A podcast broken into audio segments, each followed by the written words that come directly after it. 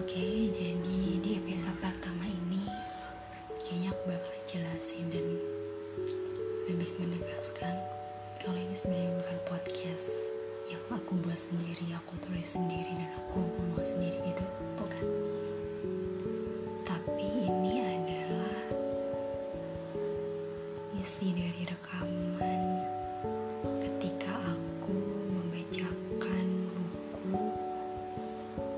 dari berbagai macam buku